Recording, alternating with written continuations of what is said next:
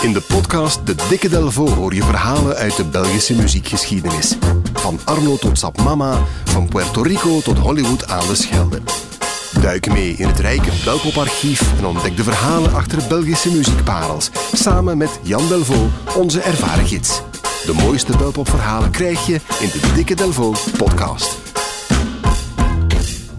Dag, Wouter Matelin. Ja, ja, ik, moet even nadenken. ja, maar het gaat over Walter, Walter Verdijn. Ik zei bijna Wouter Verdijn. Wat ook wel mooi is natuurlijk. Ik zou het geen belediging Ja, vinden. Walter Verdijn. En, ja, toch een, een, doorheen de jaren een redelijk vaste klant in deze rubriek.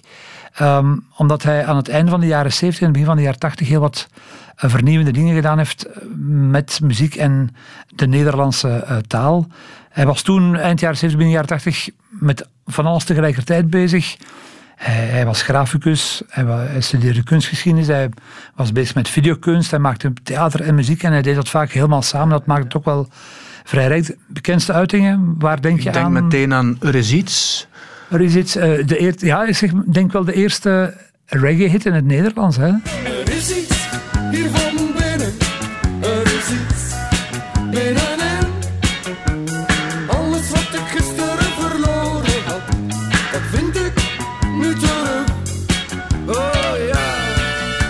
Euresiets, dat was één. Dan, dan denk ik ook aan Specimen en de Risico's, waar hij deel van uitmaakt. Met eh, Josse de Pauw als Ja. eh, co-zanger en Jean Mariaert, de geweldige Jean Mariaert op gitaar. De ballerina valt, er komt een griep voorbij. De stripteaseuse krijgt haar laatste knoop niet los.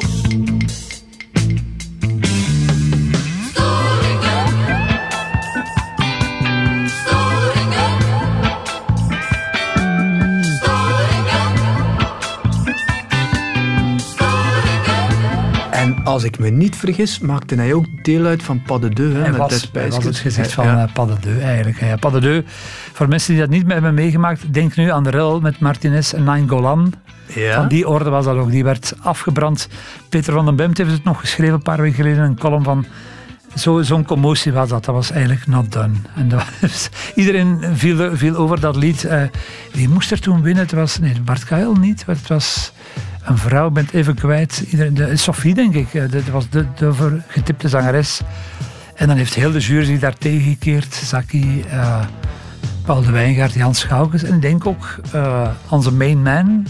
Ik denk zelfs, eh, zat Jan Houtkiet in die, in die eh, Dat jury? weet ik niet. dat weet Dat weet ik niet, maar daardoor was het ook, het waren al de mensen die kort daarna startten met Studio Brussel. En het eerste plaatje op Studio Brussel was Rendezvous van, eh, van de Pas de. Voilà.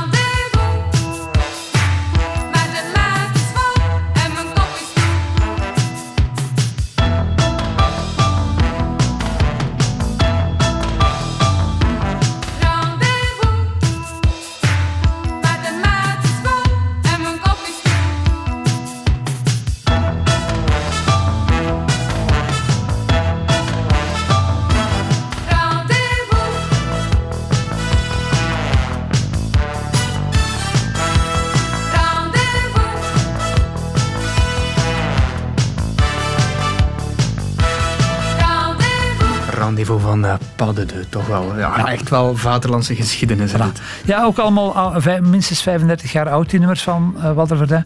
Maar die, die blijven vandaag veel gezocht of die worden eruit gebracht. Die wekken nog altijd de interesse van volgende generaties. Het nummer eh, Cardiocleptomanie bijvoorbeeld is zo'n bijzonder nummer dat toch...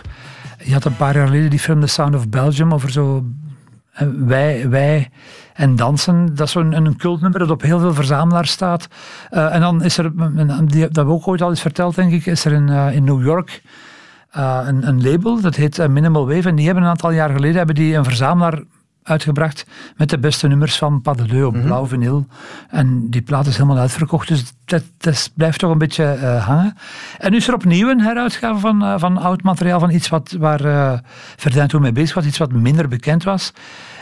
En die, de- ja, dat is iets wat hij toen maakte onder de naam De Kreet. De Kreet was een, alweer een theatercollectief waar hij mee bezig was. En dat was voortgekomen uit Grasgroen. Dat was ook weer zo. Dat waren een aantal Leuvenaars die op eh, initiatief van Walter Verdun en Marcel Raamakers, dat was iemand met wie hij toen kunstgeschiedenis studeerde, die eh, van alle dingen gingen doen eh, in het straatbeeld. Dat was een soort, ja, hoe noemde dat toen? Performancekunst. Die had daar heel veel namen voor. Provo. Ja, nee, dat zat er nog voor. Dat waren de hippies. voor. Nee, nee, dit was meer kunstig. Ehm, en die groep Grasgroen, die, die slaan in 1971 handen elkaar met Radijs. Eh, dat was ook een experimentele theatergroep die van die straffe woordloze producties maakte. En de oprichters van Radijs waren Pat van Hemelrijk en Josse de Pauw. Josse de Pauw ondertussen bekend van film, theater en, en, en boeken. Radijs heeft trouwens ook, we hebben dat onlangs nog behandeld, Fietsen op de Heide. Die heeft toen ook een plaatje gemaakt, dus dat was wel in om het theater te zijn en ook nog muziek te maken. En in datzelfde jaar, in 1971, slaan dus Grasgroen en Radijs de handen in elkaar eh, tijdens voor, het Klapstuk. Dat was een, een, een, een festival in Leuven. En tijdens dat festival was er een storingenweek en er werden allerhande storende interventies gedaan op verschillende plekken in de stad. Heel, heel spannend. En een van die storingen is...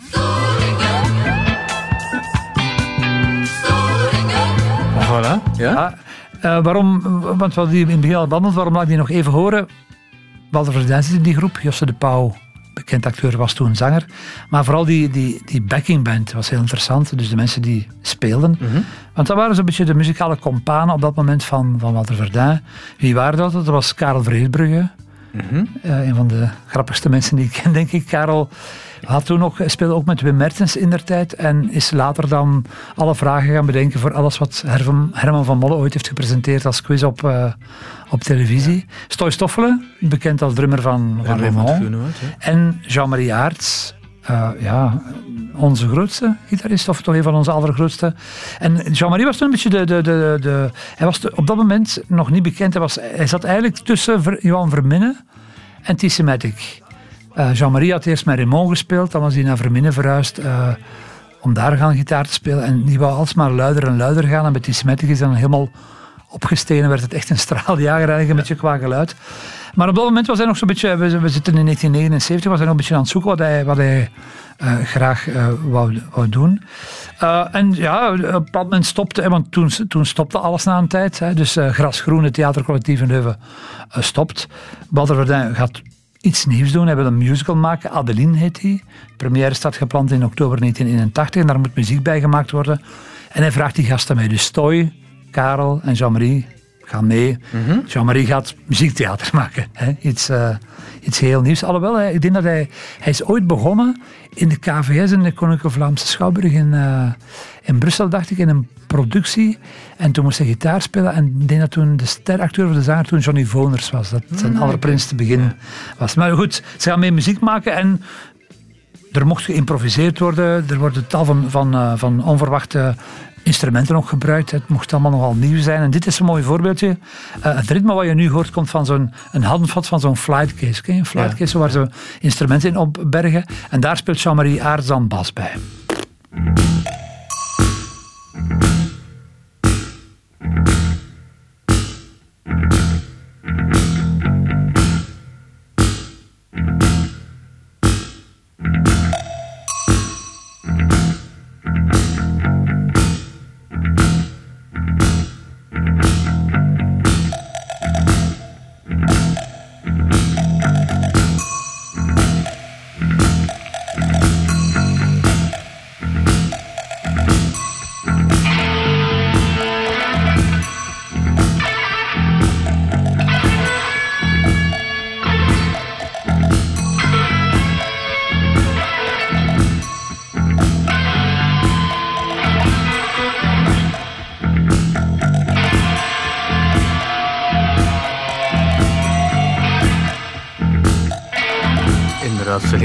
Zeer mooi voor muziektheater, maar voor de zaterdagnamiddag minder eh, geschikt. Dus De Kreet, want zo weten het gezelschap met La- Lancement, denk ik, eh, dat het de titel is. zo wordt uitgesproken.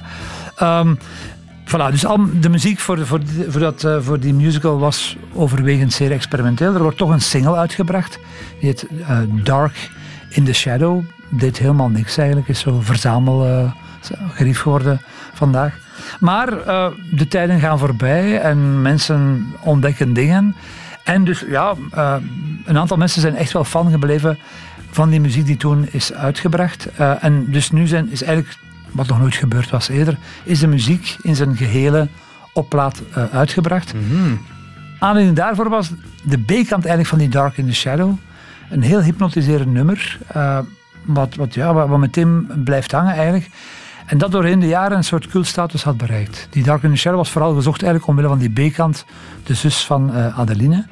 En dus ja, eh, is die Adeline ook ver- verkrijgbaar in op vinyl.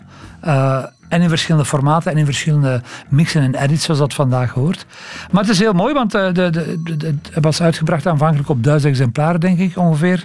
En die waren meteen ook allemaal weg. Die, ja, vonden hun weg, niet alleen in België, maar ook wereldwijd. Dus muziek reist zeer licht. Is ook te vinden op Spotify voor mensen die geen geld willen uitgeven. Maar dat zijn maar acht nummers. Het ultieme ding is het digitale album. Dat kan je downloaden en daar staan dan weer 13 nummers op. Waaronder een radio-uitgave, een speciale eh, radio-uitgave van het beste nummer van die plaat, De Zus van Adeline.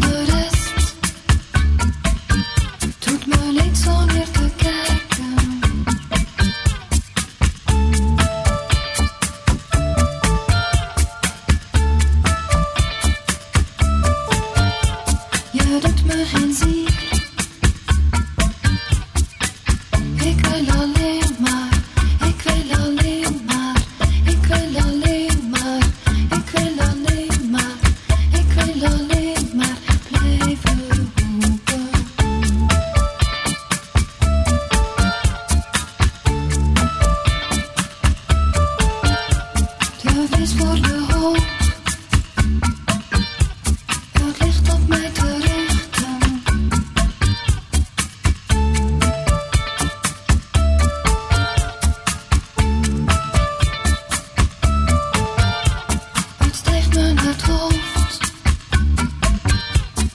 stijgt me naar